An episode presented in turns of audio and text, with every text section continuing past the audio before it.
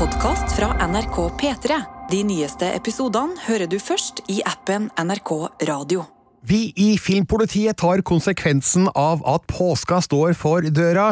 Denne podkasten skal nemlig i sin helhet handle om årets påskekrimutvalg. Vi har selvfølgelig sett rubb og stubb, alt i hop, og har rangert alle seriene fra best til verst.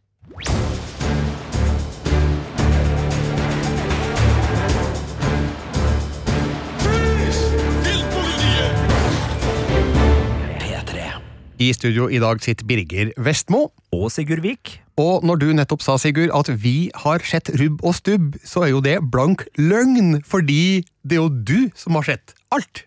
Ja, eh, påskekrimmen havna på, på, mitt bord i år, og, og det er jo eh, hyggelig, for jeg er jo veldig glad i denne ganske særnorske tradisjonen med at vi eh, kjører påska full av krim. Noen foretrekker den i bokform, og så har TV-kanalene da siden ja, jeg tror i hvert fall 70-tallet eh, sørga for at vi også i eh, hytter og stuer kan kose oss med TV-krim da gjennom påska. Men har du telt over hvor mange timer påskekrim har du sett nå i arbeidet for, ja. med denne lista. Får jeg lov til å runde litt oppover, for episoder er jo ofte ikke 60 minutter, men kanskje sånn 45 eller 50 eller 53. Ja, mm. ja 40 timer tror jeg sånn cirka med påskekrim eh, i år. Det er en uh, arbeidsoppgave som du gjerne skal få lov til å påta deg også neste år, Sigurd, for det hørtes mye ut. Blir du lei av påskekrim? Altså, det er jo en viss fare for at det blir litt likt, det skal jeg vedkjenne meg. Spesielt i og med at dette er serier som uh, ikke nødvendigvis er helt ny, men som kommer med sine uh, sesonger litt utpå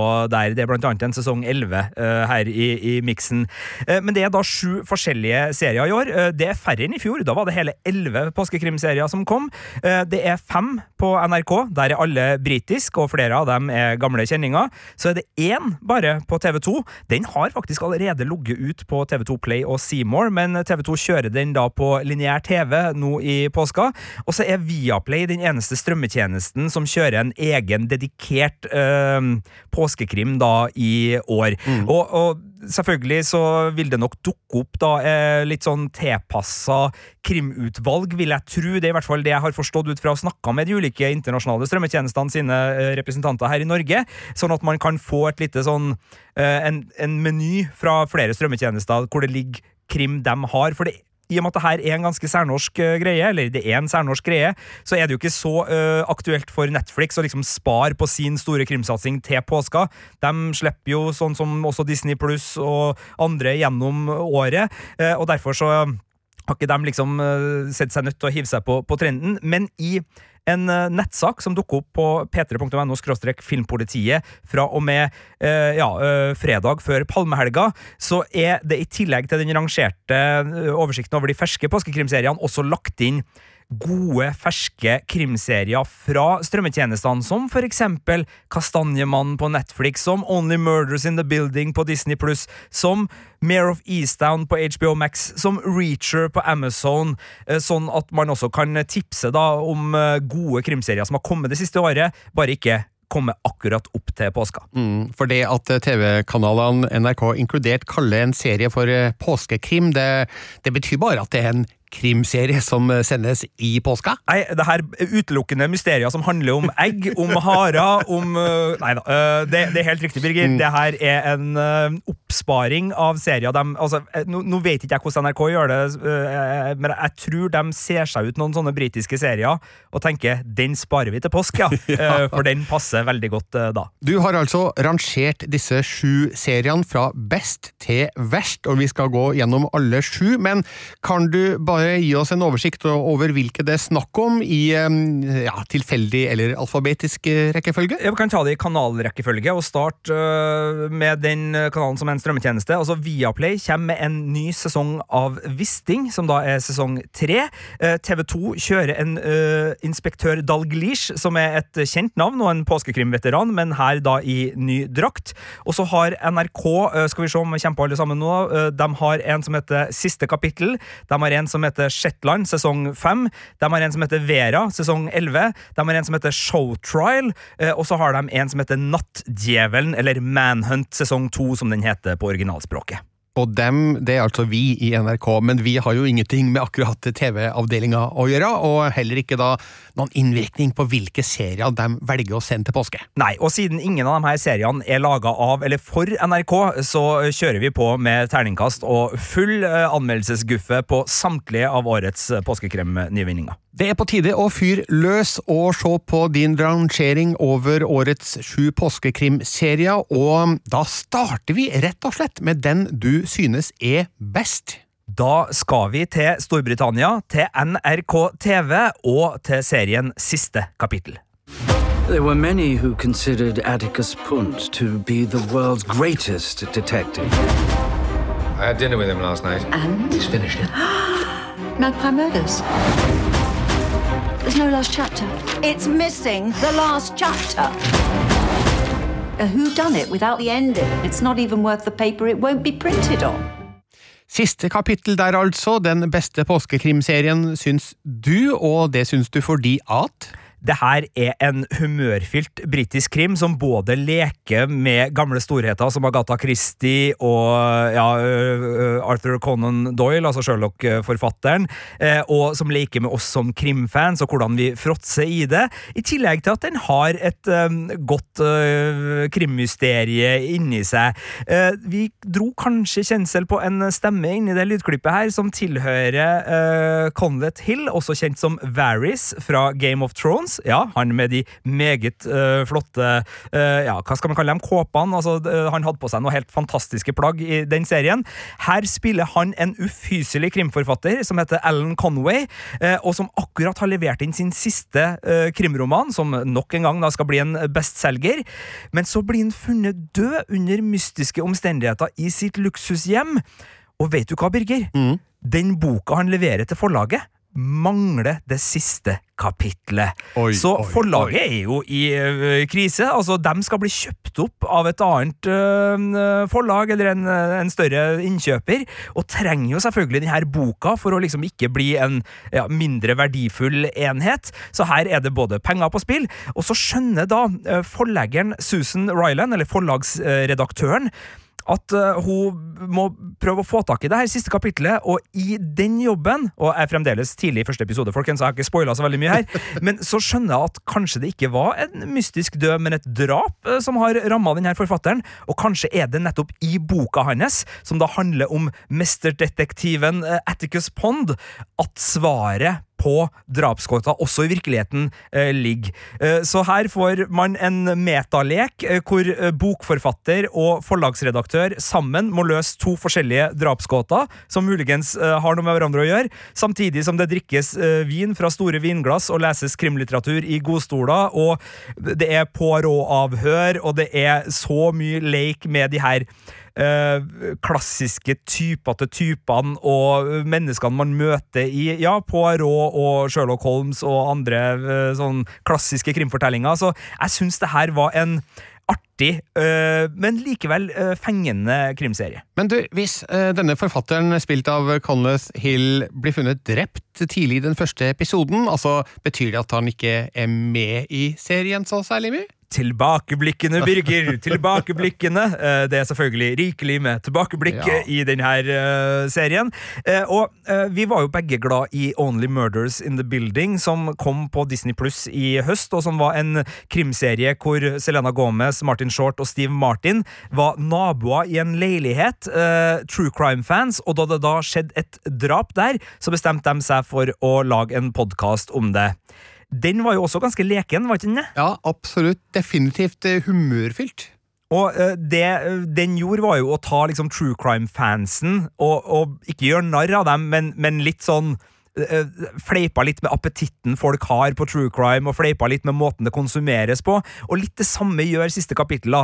Du må liksom tåle å bli gjort litt narr av som sånn who done it-entusiast når du setter deg ned med den serien her. Det er mye glimt i øyet, men det er aldri slemt. Altså, det, det er en kjærlig liten sånn parodi, eh, en lun parodi på oss som uh, kanskje sluker mord med litt for glupsk appetitt av og til. Nemlig. Så vi kan muligens kjenne oss litt for godt igjen i enkelte aspekter ved handlinga her. Men uh, du, uh, du nevnte jo da denne forlagsredaktøren Susan Rayland. Hun spilles av Leslie Manville, som jo har en lang karriere bak seg, men som jeg tror veldig mange kanskje oppdaga for alvor da hun spilte i Phantom Thread uh, for Paul Thomas Anderson, der hun da spilte søstera til Daniel Day-Lewis sin figur, og den ble hun jo nominert til en Oscar for. Uh, hvordan funker hun i en sånn krimkomedieform? Hun er god. Hun er en uh, rollefigur som har flere sider som på en måte gjør det her til interessant historie. Ikke minst fant fantasien hennes som forlagsredaktør, fordi mesterdetektiv Atticus Pond, eh, spilt av Tim McMullen, som vi da følger gjennom at hun leser boka, skal jeg si det her? Ja, jeg skal si det. Ja, jeg sier det her fordi det er på pressebildet. Uh, dem uh, i hennes fantasi hjelper også hverandre, så du får et veldig sånn lekent samspill der hennes fantasi blir en del av måten hun etterforsker på. Mm. Uh, så, så, jeg syns hun er, er, veldig god, og så er det også en serie hvor hennes rollefigur har noen sider på privatlivet som er litt sår og litt sånn ja, hun har ei søster som hun har vært litt eh, fremmedgjort fra. Hun har en far som uh, hun har et forhold til, som uh, kommer inn i bildet, og ikke minst en, en kjærlighetshistorie som også blir viktig her. Uh, så jeg syns Leslie Manville som den ene tydelige hovedpersonen her gjør sine ting såpass bra at det blir riktig så severdig. Men du, påskekrim er jo noe som ofte samler familien. Er siste kapittel en type serie som det går an å se sammen med små barn? Eh, den er ikke noe eh, slem eller skummel eller ille, men det er jo en drapsetterforskning, eh, så da må man jo litt sånn kjenne etter hvor den skoen trykker. Jeg tror ikke man tar veldig skade av å se det her hvis man allerede har fått lov til å se litt detektivkrim eller andre litt sånn milde etterforskningsserier. Og så er det jo en serie som jeg så alene, og som jeg syns funka veldig godt som en sånn bingeserie for meg. Og det er jo det som kan nevnes her, at NRK legger ut alle sine serier, alle fem, på NRK TV allerede fra fredags morgen. Fredag den 8. april, blir det vel. Eh, og så vil jo den her da begynne å gå på NRK1 på lørdag 9. april klokken 21.20. Men det er også mulig å binge den. Og det her er en sånn serie Det er ikke alle vi skal snakke om nå som, som funker til binging, for da blir du litt gæren i, i topplokket til slutt. Mm. Men den her syns jeg hadde de kvalitetene som gjør at den kan selvfølgelig porsjoneres ut, men du kan også, hvis du er av den som liker å se serier alene, kanskje med et vinglass, kanskje med føttene trukket litt opp i sofaen, sånn som du vil få se på skjermen når du ser siste kapittel, eh, så funker den eh, ganske bra til det også. Hva med vinglass og føttene trukket opp i sofaen? Ja, ja, du, du, kan eh, kombinere det her. Jeg tror også du kan trekke påskeegget eh, opp i sofaen, og så kan du ha vinglasset på bordet. Trenger ikke vinglass. Jeg skal Nei. ikke ha vinglass. Jeg er ikke så vinfan, så for meg så blir det nok en solo eh, brus, som ja. er påskebrusen for meg. Ikke sant? Eh, ikke noe mer reklame her i Filmpolitiet. Men du, jeg kan si at siste kapittel har fått aldersgrense tolv år av NRK, så der er lista lagt av for den som lurer på hva man kan vise frem til ungene i påska. Og siste kapittel, altså utropt som den beste påskekrimmen i 2022 av deg, Sigurd? Stemmer. Terningkast fem til siste kapittel, eh, også kjent under navnet Magpie Murders. Er det langt å gå kvalitetsmessig ned til den neste serien på lista? Nei, men det er en helt annen type serie, og det her er ikke britisk krim, det her er norsk krim, for på andreplass finner vi Wisting sesong tre. I never thought I would see you back here in Larvik. You're not the only one. Hvor gammel er den, tror du? 12-14 år. Why put the head on a stick in the middle of town? It's a warning. Her er det flere kjente stemmer ut og går. Forklar, hvem møter vi her? Det er jo Sven Nordin som spiller Jørn Lierhorsts uh, politietterforsker William Wisting. Dette er tredje sesongen han gjør det. Han debuterte jo på TV-skjermen i påska i 2019. Uh, eh, og da var det bare for å starte i påska. Da var det ikke en liksom ordentlig påskekrim, men nå i sesong tre så er det ordentlig påskekrim. På uh, søndag 10. april så kommer alle fire episodene ut på strømmetjenesten Viaplay. Men ja, Sven Nordin var her, og så er det da Matrix-stjernen Carrie Ann Moss som er tilbake. Hun var jo her også i starten av sesong én, men hun er nå tilbake som FBI-agent Maggie Griffin, som da skal jobbe sammen med Sven Nordins William Wisting for å oppklare det som er en uh, sak basert på boka Nattmaren fra 2009, for dere som er Horst-kjennere og som kjenner til hans uh, uh, bibliografi. og det er uten at jeg skal si for mye om handlinga her, så er det en av Det er den klart mest spennende Wisting-sesongen. Og det er vanskelig å, å, sette ting opp mot hverandre, men det er et ganske så makabert anslag. Hvor et uh, hode på en påle i Larvik sentrum uh, setter i gang en drapsetterforskning, som da også får internasjonale forbindelser, og derfor så kommer FBI på besøk igjen til Larvik. Ja, Nesten litt stør at Carrie Ann Moss er med denne gangen, for nå har hun jo en ny Matrix-film rett bak seg i løypa. Det hadde hun ikke i sesong én av Wisting, der Carrie Ann Moss uh, kanskje var en litt sånn hva, hva, skal vi si? Skal vi si has-been, eller er det stygt? Nei, det er jo stygt, men altså, det er jo helt riktig det du sier. Altså, nå er hun jo uh, veldig uh, kjent etter en ny runde med Matrix, som vi da fikk like før jul. Nei, var i romjula? Matrix 5, 4? Ja, den kom første juledag. Første juledag. Så, så hun er jo ei stor internasjonal stjerne, og jeg syns jo det samspillet mellom Sven Nordin og Carrie Ann Moss er en attraksjon her. Det er et litt keikete samspill spill. De er jo profesjonelle på hver sitt vis, og de har jo møtt hverandre, men samtidig så ligger det noe der som gjør det litt eh, spennende å, å følge dem. Og eh, også kontrasten mellom norsk eh, litt traust politiarbeid og amerikansk litt sånn eh, trigger-happy politiarbeid. Den kontrasten syns jeg regissør Trygve Aldestyr Disen, som da har igjen full kontroll på TV-versjonen av det her, jeg syns han, han utnytter det da både med litt humør, men også for å spille opp litt sånn forskjeller som er litt sånn det, det, er jo ikke noen store ting, men jeg tar meg i å, å like det at man liksom ser hvor utrolig ulikt det er. Ikke bare i fiksjonsuniverset, men også som uh, litt sånn underholdningstradisjoner. Det å liksom la USA møte Norge i en krimserie, det er en litt sånn fascinerende kontrast som Kanskje noen vil synes er litt corny, men jeg, jeg liker at de bare spiller det ut og, og lar det være litt sånn uh, to stilarter som krasjer litt akkurat der.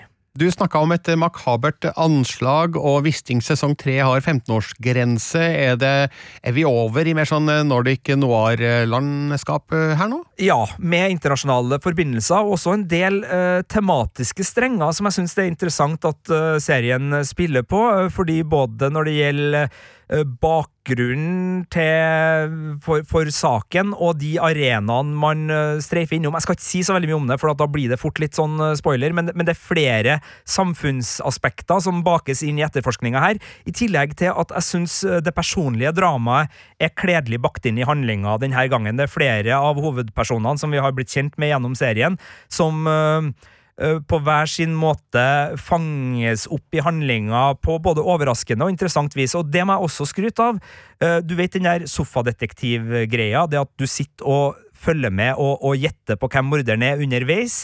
Jeg syns det svinger godt i Wisting sesong tre. Det var flere ganger Ikke nødvendigvis for at jeg liksom øh, traff, eller noe sånt, men det var flere ganger jeg tenkte sånn åh, det der, er en kul, øh, det der var en kul planting. Lurer på om de liksom plukker opp det. Lurer på om det er det som er morder. Altså at man blir aktivisert, da. Og så vet jeg at det der er veldig individuelt. Marte er jo vår kjære kollega, er mye flinkere til å spotte morderen enn meg, så hun er ofte sånn 'Å, den var ikke noe artig'. Den, jeg skjønte jo hvem morderen var etter episode to. Mens jeg bare sånn 'Hæ?! Det var jo kjempespennende helt fram til siste scene'. Så det der vil jo være veldig ulikt. Mm. Men jeg hadde i hvert fall uh, hadde trivelig som sofadetektiv da under denne eh, sesongen av Wisting. Wisting sesong tre er altså årets nest beste påskekrim, ifølge deg, Sigurd. Ja, er, er no, uh, nå har jeg bare vært positiv, har ikke jeg? Ja, Skal du ja. si noe negativt? Ja, for Den får en sterk terningkast fire, nemlig. Og det er fordi at det er fremdeles ganske sånn mange tilfeldigheter som må til for at hele rollegalleriet skal liksom være kobla opp mot den samme drapssaken. Mm. Uh, og det er noen av sideplottene som er litt sånn såpete i sin, uh, sine reaksjoner og, og, sine greier. Så, så uh, hvis, hvis, du liksom har sett Wisting og tenkt at de tingene har liksom gitt deg litt friksjon i sofaopplevelsen, og jeg har snakka med, med, venner som, som har litt den sånn og skulle ønske de uh, var litt mer sånn på forbrytelsen Broen-nivå når det gjaldt liksom den, den type fiksjonstroverdighet. da. Det, det ligger der litt enda altså, i, i Wisting. Jeg tenker jo at det gjør de jo for at de vet at det er god TV for veldig mange. Det er veldig mange som liker det litt såpete og, og, den litt sånn uh, overdramatikken, og at alle hele tida har et eller annet personlig drama som gjør at de er, uh, har noe de må løse sånn ved siden av, sånn at når telefonen ringer, så er de egentlig alltid opptatt. Uh, men, men hvis du syns det liksom lugger litt i fiksjonstroverdigheten for den type krim du liker, så vær advart da om at Wisting ikke har slutta med det. Men jeg syns allikevel det her er en veldig god sesong og en sterk terningkast fire. Og kanskje den beste Wisting-sesongen, i hvert fall den mest spennende eh, av de tre som har kommet så langt. Og det er fire episoder i sesong tre som alle slippes søndag 10. april på Viaplay. Vi skal til den tredje beste påskekrimmen for året, og hva skal vi høre om da? Nei, eh, hvor skal vi reise, er vel spørsmålet som man stiller i, i påsketider, Ja. og, og svaret er Shetland. I know that this is a shock for everybody. Whoever did this is extremely dangerous. I've got multiple suspects and motives, and I've got nothing to connect any of them. Must be exciting for you. Having a perfect murder to solve. You said it was perfect. Det her er den femte sesongen av krimserien Shetland, og jeg må innrømme at jeg har gått glipp av de fire første, og aner ikke hva det her handler om. Kan du gi meg en liten oversikt over det? Ja, det er eh, basert på bøker av Anne Cleaves, som også er forfatteren som Vera-serien eh, er basert på. Så det her er britisk eh, krim som har vært populær i bokform, og som nå Og det her er litt uh, tricky, da, fordi det er Shetland sesong fem her i Norge. Hvis du sitter i Storbritannia og ser Shetland, så er det sesong seks. Fordi ITV, som da er produsenten, de har pakka episodene litt annerledes. Eh, noe som gjør det litt vanskelig for oss i Filmpolitiet, fordi i, for noen påsker siden så var jo Shetland sesong fire, hvor de blant annet var i Norge. Påskekrimmen. Eh, Men den er da ikke forrige sesong, men det er to sesonger siden. Eh, Så hvis du så sesong fire, så er det ikke neste sesong du får nå. Men ja, dere skjønner, det var litt tricky. Men det er ikke en sånn serie hvor du trenger å ha sett eh, tidligere sesonger for å følge med, sjøl om denne sesongen faktisk eh, plukker opp en eh, tidligere bekjent som gjør det hele litt mer pikant. Men det er da et brutalt drap på en populær advokat som utgjør kjernen i denne seks episoder lange etterforskninga. Det er ikke enkeltepisoder som avsluttes, men det er én stor etterforskning. Og så er det da etterforsker Jimmy Perez, som da jobber i Skottlands politi, spilt av Douglas Henshaw, som da eh, får i oppdraget, rett etter sin mors begravelse, å komme i gang med etterforskninga. Og det her er jo litt sånn alle kjenner alle-plass, Shetland. Eh, I hvert fall sånn som det skildres på, på TV-skjermen i denne krimserien. Og hans komplekse privatliv, som eh, har blitt enda mer komplekst ved at han nå har en far med gryende demens som han er nødt til å håndtere, og som gjør at hans eh, Ja, vi om det i stad, telefoner ringer, og det er alltid ubeleilig, fordi når du er politietterforsker, så er det noe på privaten som også river og sliter i oppmerksomheten din. Så det gir jo litt spenning, og så kommer det da en tidligere kjenning, som sagt, av den litt manipulerende sorten, tilbake til Shetland, noe som gjør at flere av hovedpersonene får sitt å stri med. Og eh, sjøl om den starter ganske sånn ordinært og litt sånn typisk britisk krim, så syns jeg eh, den blir bedre og bedre og skrur seg bedre og bedre til, både med drapssaken og ikke minst eh, de det trøbbelet da, som venter vår eh, politihelt og hans familie på, på privaten. Og her syns jeg ting fletter sammen også på, på interessant vis. Så Shetland sesong fem eh, starter ordinært, men blir bedre og bedre. Og har du likt denne type etterforskning, så, så får du en god dose her. Så hvis du har kosa deg med Shetland, bare å forberede deg på, på nye gleder. Eh, men det er allikevel såpass sjangerordinært at jeg syns ikke det er friskt og, og spennende på, på det samme nivået som jeg syns spesielt da siste kapittel var, men også Wisting eh, havner litt over.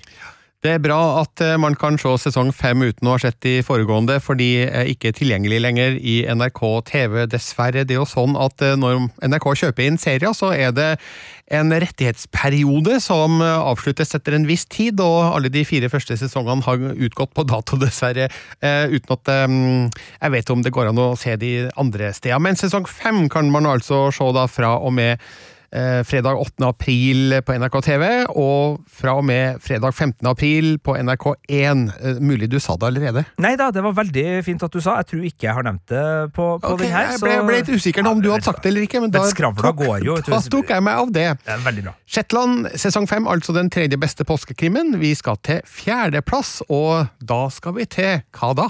Det er en serie som også er en sesong to, egentlig, av en uh, virkelighetsbasert krimserie som het Manhunt, men sesong to har fått et eget navn uh, på uh, norsk. Her heter den Nattdjevelen. This man's done some terrible things. He's a serial rapist who targets elderly women. The Night Stalker. Are you any nearer to catching him? It's on me.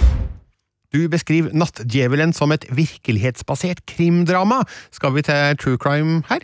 Eh, dramatisering av eh, virkelig krim, så ikke true crime i dokumentarisk eh, form, men eh, i et utvida true crime-begrep så blir det jo vanligere og vanligere å også bruke det om denne eh, dramatisering av virkelige hendelser. Og det her er en ganske sober serie, som da blir den mest troverdige eh, krimdramaserien blant årets eh, påskekrimutvalg, definitivt. Og det er eh, jakten på Delroy Grant, som i 2011 ble dømt for en rekke innbrudd, voldtekter og seksuelle overgrep i Sørøst-London, eh, hvor de fleste ofrene var eldre kvinner som bodde alene. og det er utgangspunktet da for denne dramatiseringa. Og det er klart, eh, den kunnskapen kan man jo si at det er litt uh, spoilete, men, men, sånn er det med virkelighetsbasert eh, krim.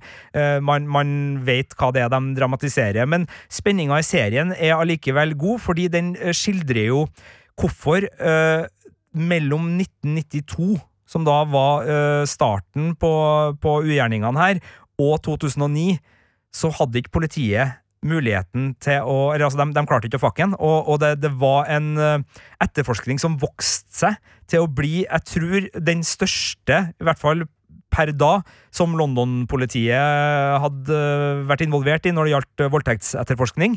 Um, og det er også da litt sånn snedig, fordi uh, den etterforskeren vi følger her, som vi også fulgte da i, i forrige sesong, da med en helt annen uh, seriemordersak, er uh, en uh, mann som heter Colin Sutton, som tilfeldigvis var ledende etterforsker på begge disse sakene. Så på ett vis så er det her sesong to i uh, serien om Colin Sutton, som da spilles av Martin Clunes, kjent fra annet Doc Martin og en rekke andre, både uh, komikeroppdrag og, og skuespilleroppdrag, uh, så han er et kjent fjes, men han spiller da Sutton.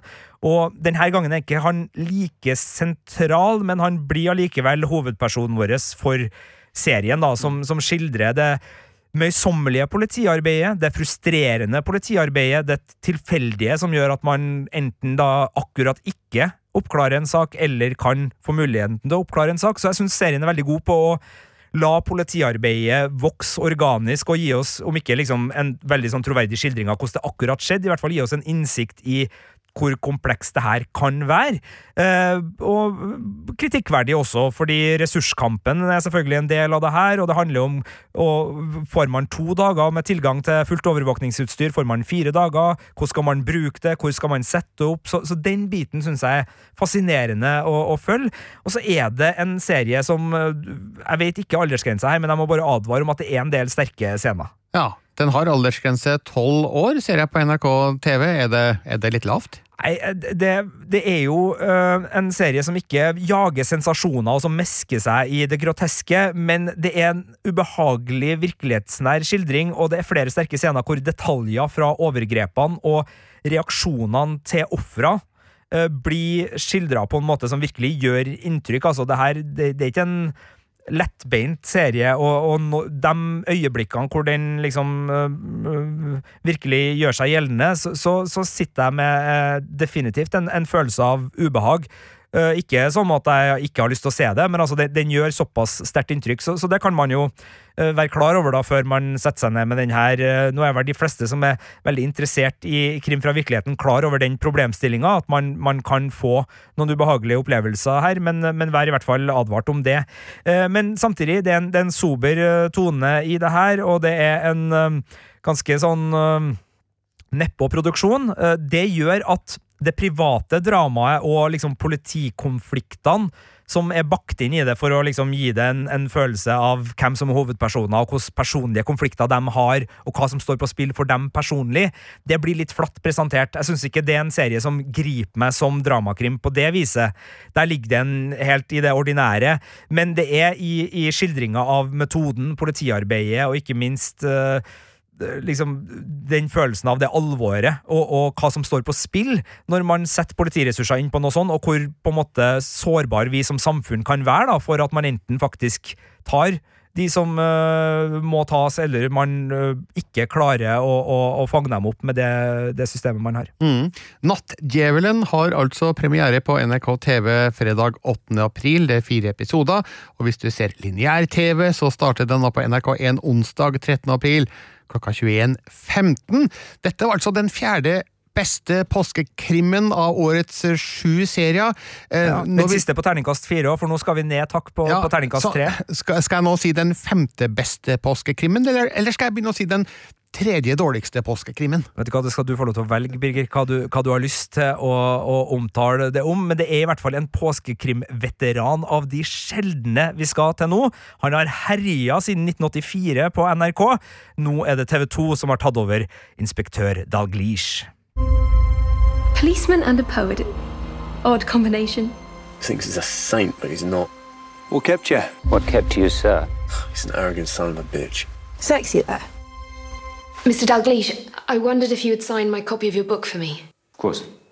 Ok, her er vi inne på mine store påskekrimminner fra ungdommen, eller barndommen til og med, fordi Inspektør Dalglish var jo den store stjerna på NRK omtrent hver påske, føltes det som, da, i hvert fall på 1980-tallet? Ja, altså jeg sjekka litt i arkivene, og her har jeg kun Wikipedias eh, oversikt over påskekrimmer å lene meg på, men jeg satser på at den er riktig, og ifølge den så var Roy Marstons versjon av uh, Kenny Dalglish påskekrim på NRK både i 1984, 1986, 1987, 1989, 1991 og 1999. Og så var det Martin Shaw som spilte Dalglish uh, i noen produksjoner senere, jeg tror det var for BBC.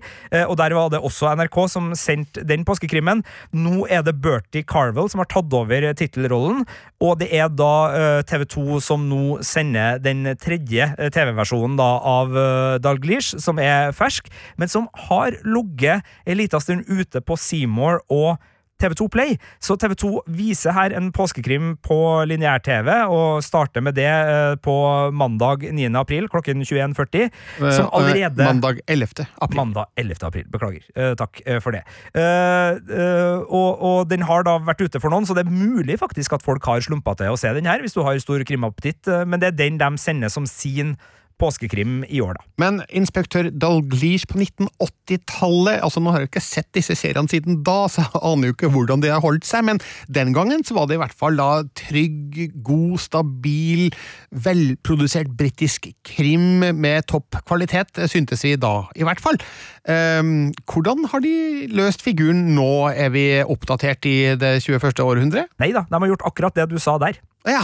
Eh, bare med en ny skuespiller. Eh, altså Det er eh, bøkene til Phyllis Dorothy James eh, som starta å, å levere eh, Dalglish-bøker i 1962, eh, som utgjør bakgrunnen. Det er seks episoder som da tar for seg tre av bøkene. Jeg tror to er med satt til 70-tallet og ett til 80-tallet, men jeg tror Alt foregår i et uh, fiktivt uh, 70-tall i England uh, i de, alle episodene her. og det er um, veldig pent, veldig velprodusert, veldig ordentlig, men ikke særlig originalt og ikke særlig spennende. Altså, det er spennende på den måten at man får Eh, avsidesliggende sykehus og gamle prestegårder som arena, hvor eh, Dalglish dukker opp for å, å løse et mord og bli motarbeida på sedvanlig vis av ulike krefter, gjerne konservative krefter, altså leger som ikke vil ha en sånn politietterforsker snu, snusende rundt i, i hagen, eller strenge sykesøstre, eller litt sånn Eh, kjipe prester som er eh, litt sånn imot den her poeten, for han er jo også uh, poesiskribent. Han har mista sin kone, så det er jo et vemod over Dalglish som også henger over her. Samtidig som han er en veldig sånn nøktern og godhjerta, god detektiv som, som ikke lar liksom disse konservative kreftene hindre han i å gjøre oppdraget. Så det er kjempe kjempeforutsigbart, det er kjempetradisjonelt, det er kjempenostalgisk, og hvis du elsker denne type britisk krim, så er selvfølgelig Inspektør Dalglish, sjøl om du kanskje har sett de samme bøkene filmatisert i en tidligere versjon, eh, det vil funke for deg, men, men det er også eh, en ganske traust eh, serie, det her, som kanskje for et litt mer moderne publikum vil oppleves litt gammelmodig. Men tror du kanskje at vår foreldregenerasjon, og litt over kanskje, vil synes at det her er helt fantastisk? Ja, altså, jeg kan ikke se for meg noe annet enn at dem som kosa seg med Dalglish på 80-tallet, og som uh, sikkert muligens har glemt uh, litt, uh, sånn som i Agatha Christie, så får vi jo nyinnspillinga av Mord på Nilen, og vi får nyinnspillinga av Mord på Orientekspressen, og det er jo fullt mulig å, å gjenskape det her for et nytt publikum, eventuelt et glemsk publikum, og jeg vil jo tro at det er mange der ute, meg sjøl inkludert, som ikke husker alle Poirot-episodene. så, så jeg tror det er en serie som vil fungere fungerer utmerket for TV2 som en brei, folkelig påskekrim å sende på lineær-TV-kanalen sin i, i, midten av påska, fra mandag til, til onsdag. Men, eh, men, som sagt, hvis du er krimentusiast og liksom øh, har øh, gått litt videre, da, og, og, har kanskje fått Mare of Easttown og Sherlock og Fargo og True Detective og litt sånn andre uh, type krimserier som er det du, du, holder litt høyere, så framstår jo inspektør, inspektør Dalglish veldig uh, kjent og kjært og, og, og litt sånn uh, Litt for opplagt til å kanskje virkelig rive deg med da i, i sofakroken. Ja, serien har aldersgrense tolv år, og alle de seks episodene er, som du sa, allerede ute på TV2 Play og Seymour. Og så er det da premiere på TV2 lineært mandag 11. april og de påfølgende dagene. Da har vi to serier igjen, og da skal vi først til den ja, det blir jo da den nest dårligste påskekrimmen i år. Ja, og, og det er litt jevnt nedi der nå. Eh, det er fremdeles på terningkast tre, for det er ikke skikkelig dårlig, men det her er et eh, skuldertrekk av en rettsdrama slash mordetterforskning, og den heter Show Trial. Talitha Campbell, you are now being arrested on suspicion of murder. Anything I need to know? She's a rude entitled little cow. Got it. They haven't told you who my dad is. It's that Damien Campbell. Show Trial blander rettsdrama med en mordetterforskning, skriver du i listesaken på p3.no Filmpolitiet.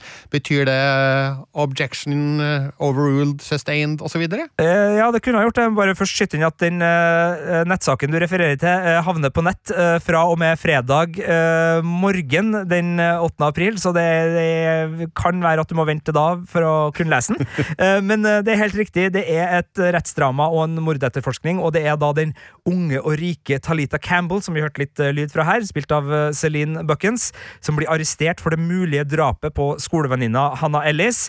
Og det setter i gang en eh, rettsprosess da, som skal blottstille de rikes maktarroganse i møte med politi og advokater i Storbritannia, fordi eh, Talita hun er datteren av en meget rik og mektig eiendomsutvikler, og i klassen hennes så går det medstudenter som også blir involvert i det her, som har høytsittende politikere og Eh, blant sine foreldre, og, og, og, dermed så legges det jo et visst press da, både på politiet, som skal prøve å finne ut eh, hva det er som har skjedd, og ikke minst advokaten til Talita, som uh, også merker at hun blir pressa veldig da hun har sin klient, som hun ja, må prøve å finne ut er liksom offer for et justismord, eller er en som prøver å komme unna med mord. og så er det jo disse rike foreldrene da, og egne etterforskere og andre advokater, og det blir ei, ei ganske sånn sammensatt smørje her. Jeg liker jo Klassekampen. Jeg liker eh, det å liksom blottstille det, det, rike og det arrogante, og, og hvordan de prøver å, å, påvirke rettsprosesser gjennom sine privilegier, er jo noe som fascinerer. Men serien på fem episoder har liksom valgt å putte oss både i rettsdramaet og bruke veldig mange tilbakeblikk på å prøve å fortelle oss denne historien, samtidig som den vil egentlig ikke fortelle oss historien helt enda, så den holder tilbake hele tida og prøver å gjøre seg mye mer sånn mystisk og interessant enn den egentlig er. Og Dermed så blir det en ganske sånn seig og omstendelig prosess, og veldig mye av det den gjør for å liksom sjonglere konfliktene, er egentlig ikke så veldig relevante konflikter. Altså, Den har noen sånn ganske hardtslående familiære konflikter som, som virkelig er uh, av den opprivende sorten, men sjøl dem i det her landskapet blir liksom bare en del av massen.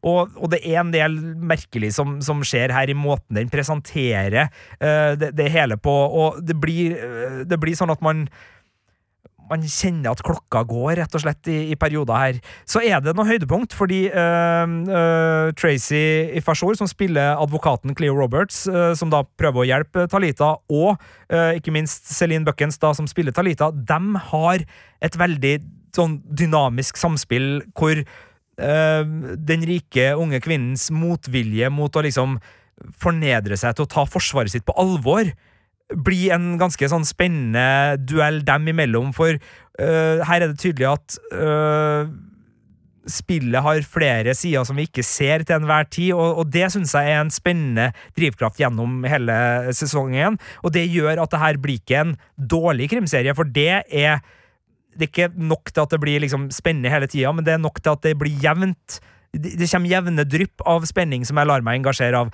Men sjølve krimsaken, sjølve mordgåten, er en eh, skuffelse her. Og sjøl om det er laga av eh, veldig dyktige folk, jeg tror det her er produsentene fra Line of Duty, som er seks sesonger med knallgod britisk spenning, og eh, serieskaperen fra Kobra, som også er ute på jeg tror Seymour og TV2 Play.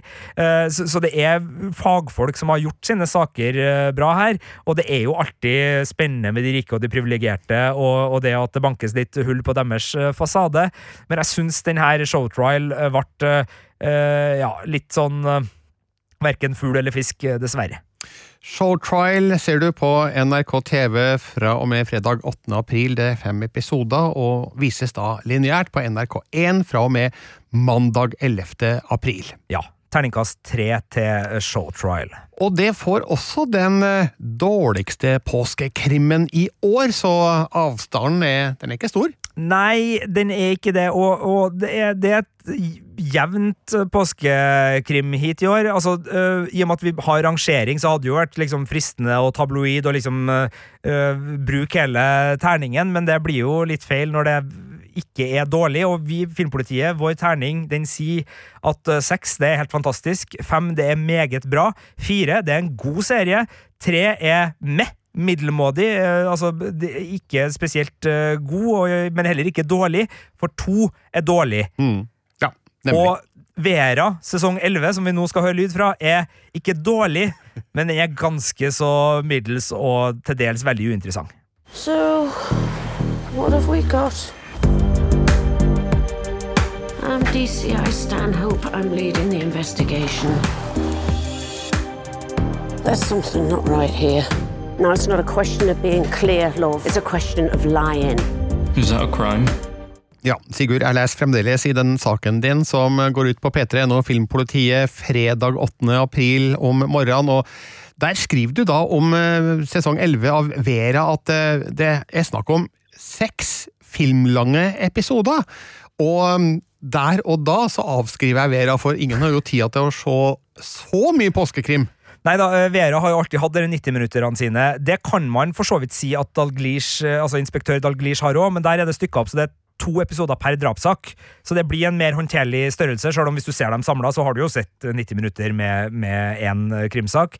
Men det at det er filmlengde på det her, gjør jo at øh, på en måte risikoen for kjedsomhet er tilstedeværende. Og denne gangen, hvor vi ikke får fire episoder som vi pleier i en Vera-sesong, vi får seks episoder. Det tror jeg nok skyldes litt eh, covid og noen utsettelser, og så har det blitt eh, slått sammen. Men det gjør jo også at det er mer her, og det her bør dere ikke binche, folkens, med mindre dere elsker Vera overalt på jord, fordi det er ganske likt også. Det er en formel for Vera-episodene som gjør at uh, etter seks kjappe, da, som jeg ser ganske etter hverandre, så var jeg uh, Jeg slet litt med å skille dem fra hverandre, det var nå én ting, uh, men, men jeg, da var jeg helt fornøyd med Vera. Det er ikke etter vanlig, for jeg liker Vera. Uh, og det er mange som liker Vera. Det er veldig mange som er glad i Brenda Blettins godlydte, men uh, samtidig ganske sånn strikse tolkning av denne detektiven Vera Stanhope, som da er sjefsetterforsker i Northumberland, der oppe i Ja, blir det vel Eh, Nordøst-England eh, vi beveger oss eh, langs kysten, tror jeg. Så kan det hende at jeg tar kraftig feil i geografien der. Men um, Jeg vet hva det skal vi finne ut. Ja, okay. hva, heter jeg, sa du? Northumberland. Northumberland region i England. Ja, her er det research under opptak, folkens. Kjempebra, Bygge. Um, det er da et grevskap i England, i regionen Nordøst-England. Ja. Se der. Så, så det er der vi befinner oss da. Og um, det er sånn at uh, i de, alle de her episodene så er det gode ting. Fordi hver episode har uh, de her scenene hvor Vera sin omsorg, sin kløkt, sin humor og ujåla stil bryter gjennom skylaget og sørger for at det her er en sånn serie som den er jo ganske sosialrealistisk i problemene den skildrer, og, og drapssakene har ofte litt sånn sjalusi, eh, sint på offentlig etat, uh, uh, et eller annet som liksom ligger og murrer, som er veldig sånn relaterbare problemstillinger. og i det så er liksom Vera sola som bryter gjennom skylaget og, og gir en sånn følelse av godt TV-selskap og ja, omsorg. Og det er en serie som er mer opptatt av omtanke og omsorg for de her menneskene på et vis, enn å liksom få tematisk gjennomslag i de uh, problemene den, den, tar opp, som da ofte er av uh, den gjenkjennelige sorten, som, som, gir sånne troverdige frustrasjoner. Men uh, mordgåtene er jo plassert inni det her som motor. Og det er der uh, fire av seks ikke holder mål denne gangen. To av episodene er ganske gode, hvor mordgåta er sånn at jeg er engasjert og følger med og er spent på hva neste avhør skal avsløre, og er liksom inn i dem. Men som sagt, over halvparten, to tredjedeler av sesongen, har drapsgåter hvor jeg nesten sliter med å liksom holde meg uh, ikke våken, men, men holde meg engasjert da, i, i det her. Uh, på den plussida så er det her en serie du kan rusle og lage deg en kopp te og kanskje en liten, et lite fat med kjeks og, ost, og komme tilbake fem minutter etterpå. Du vil fremdeles henge sånn cirka greit med i handlinga, for det går relativt tregt for seg her. Men vi i Filmpolitiet er jo ikke glad i TV-serier som legger opp til at du skal kunne gå og ta deg en matbit og en kopp te på, på, kjøkkenet og komme tilbake uten å sette på pause. Så, så, så for meg så er jo det en, en, ulempe og ikke en fordel med, med Vera i sin ellevte sesong. Så jeg vet at jeg legger meg ut med litt eh, folk her nå, for det er veldig mange som eh, har Vera som en kjent og kjær eh, krimfavoritt. Men i år, påsken 2022, så ble eh, Vera eh, både den seigeste og den kjedeligste krimmen på lista. Aldersgrense tolv år på Vera sesong 11, og det er da seks episoder på 90 minutter hver, som har premiere på NRK TV fredag 8. april. Ja, kan skyte inn at det er episode 1 og 4 som er de to beste. Nemlig. Og så kommer serien på NRK1 fra og med søndag 17. april. Jeg kan også si at um, av de elleve sesongene så er samtlige uh, tilgjengelig på NRK TV, bortsett fra sesong 10. Uh, ja. Og så kommer da sesong 11 nå utover, da. Eh, så ja, man kan jo binche én til ni, da, og så ja, vet ja. jeg ikke hva man skal gjøre med sesong ti. Nei, og det er klart, eh, vi som eh, er kritikere, vi, vi leter jo med, med, lys og lykter, og vi er kritiske, og, og, den er for meg rent personlig ikke langt unna terningkast to denne sesongen av Vera, men fordi Vera fremdeles er så god og spiller så godt og er såpass til TV-selskap mm. som hun er, sjøl når mordgåten halter litt, så er vi oppå en, en svak, svak terningkast tre da, til Vera sesong 11. For den som ikke husker starten på denne podkasten, skal vi ta en recap over eh, hvilke påskekrimserier du har eh, rangert? Ja, eh, fra best til verst. Altså, den beste er siste kapittel, som er NRK-serie. Kommer da fredag 8. april ut med alle sine seks episoder, og begynner på NRK1 lørdag 9. april. På andreplass var det Wisting sesong 3, som kommer på Viaplay med alle sine fire episoder den søndag 10. april. På tredjeplass Shetland sesong fem, som kommer på NRK TV fredag 8. april, alle seks episodene, og på NRK1 fra fredag 15. april. Så var det Nattdjevelen, som også da var på terningkast fire-sida av det her, eh, og som har premiere på NRK TV fredag 8. april, og som kommer på NRK1 onsdag 13. april.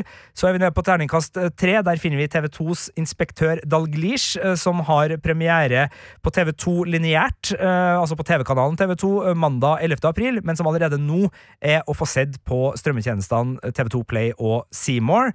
Og så var det Showtrial, som da var rettsdrama med mordetterforskning. Alle episodene, som er fem i antall, slippes på NRK TV fra fredag 8. april. Og så kommer det her da på NRK1 mandag 11. april. Og så var det Vera, da, som fikk den der litt sånn lumpende sisteplassen. Sesong 11 av Vera kommer også da på NRK TV fredag 8. april. Alle seks 90-minutters-episodene, eller seks filmene, om man eh, vil. Eh, og så er det på NRK1 først på søndag 17. april at du får sett Uh, Vera, hvis du f.eks. har ei hytte sånn som uh, min familie, hvor du ikke har noe nettdekning og er nødt til å vente til uh, TV-kanalene sender påskekrimmen. Det hender jo fremdeles i 2022. Sigurd Vik, du fortjener en kaffe i kantina og en slow clap og lønnsforhøyelse sannsynligvis, for eh, nå har du virkelig gjort en eh, skikkelig skikkelig stor jobb her. Ja, men jeg har jo sett all påskekrimmen før påska begynner, Birger, så Ja. eh, hva skal jeg gjøre nå? Nei, det, det, var faktisk mitt neste spørsmål. Hva skal du bruke påska til, når du ikke har noe ny påskekrim å, å se? Nei, kanskje du må gå tilbake i arkivet og se noe gammelt? Jeg kan se den der uh, Mord på Nilen og den der Mord på Orientekspressen og noen andre eller, uh, filmer som uh, Eller du kan se de ni første sesongene av Vera det, i NRK TV. Det blir ikke å, å skje. Nei da, det er heldigvis eh, masse godt. Og i denne her saken eh, som eh, vi eh, har til nett, hvor vi har rangert påskekrimmen, så har vi også krydra med Altså Det siste året har det kommet masse god krim, så vi har krydra med eh, de krimseriene fra forrige påske og fram til nå som ligger ute på de store strømmetjenestene, som vi må, mener funker utmerket godt til påska. Der kan jeg si at det både er nordisk noir, det er uh, lun uh, true crime-parodi, og det er også ganske sånn hardbarka, slagkraftig, tøffing, ordne opp-actionkrim, som jeg vet at eh, Birger Vestmo har en viss forkjærlighet for. Det er også en fransk mesterdetektiv med røtter i NRKs påskekrim som dukker opp der. Eh, og i den samme saken, som da dukker opp fra morgenen på fredagen 8. april, så har vi selvfølgelig tips til en krimfri påske. For hvis du nå har lidd deg gjennom denne podkasten, og du liker ikke krim, så er det sånn at det har kommet ganske mye bra som er strømbart, og som er ute i sin eh, helhet, stort sett, eh, de siste månedene, av TV-serier. Så vi har da tips til en krimfri påske, hvor det ikke er noen butlere som har gjort det, hvor det ikke er noen innbitte detektiver som er på hasardriøs jakt og som glemmer privatlivet sitt, hvor det er litt sånn andre ting, eksempel komedier, kostymedrama og andre typer serier som kan falle i smak for andre. Alt det her i Filmpolitiets store påskeguide, eh, som da kommer ut på nett fredag 8. april. Med det sier vi at det er over og ut for denne podkasten, som du hører først i appen NRK Radio. Hør oss også på P3 hver søndag klokka tolv, og les våre anmeldelser på p3.no filmpolitiet. Vi har en e-postadresse hvis du har lyst til å sende oss noen fine ord. Det er filmpolitiet, alfakrøll, nrk.no. Her i studio satt Birger Vestmo. Og Sigurd Vik. En riktig god krimpåske. Du har hørt en podkast fra NRK P3. Hør alle episodene i appen NRK Radio.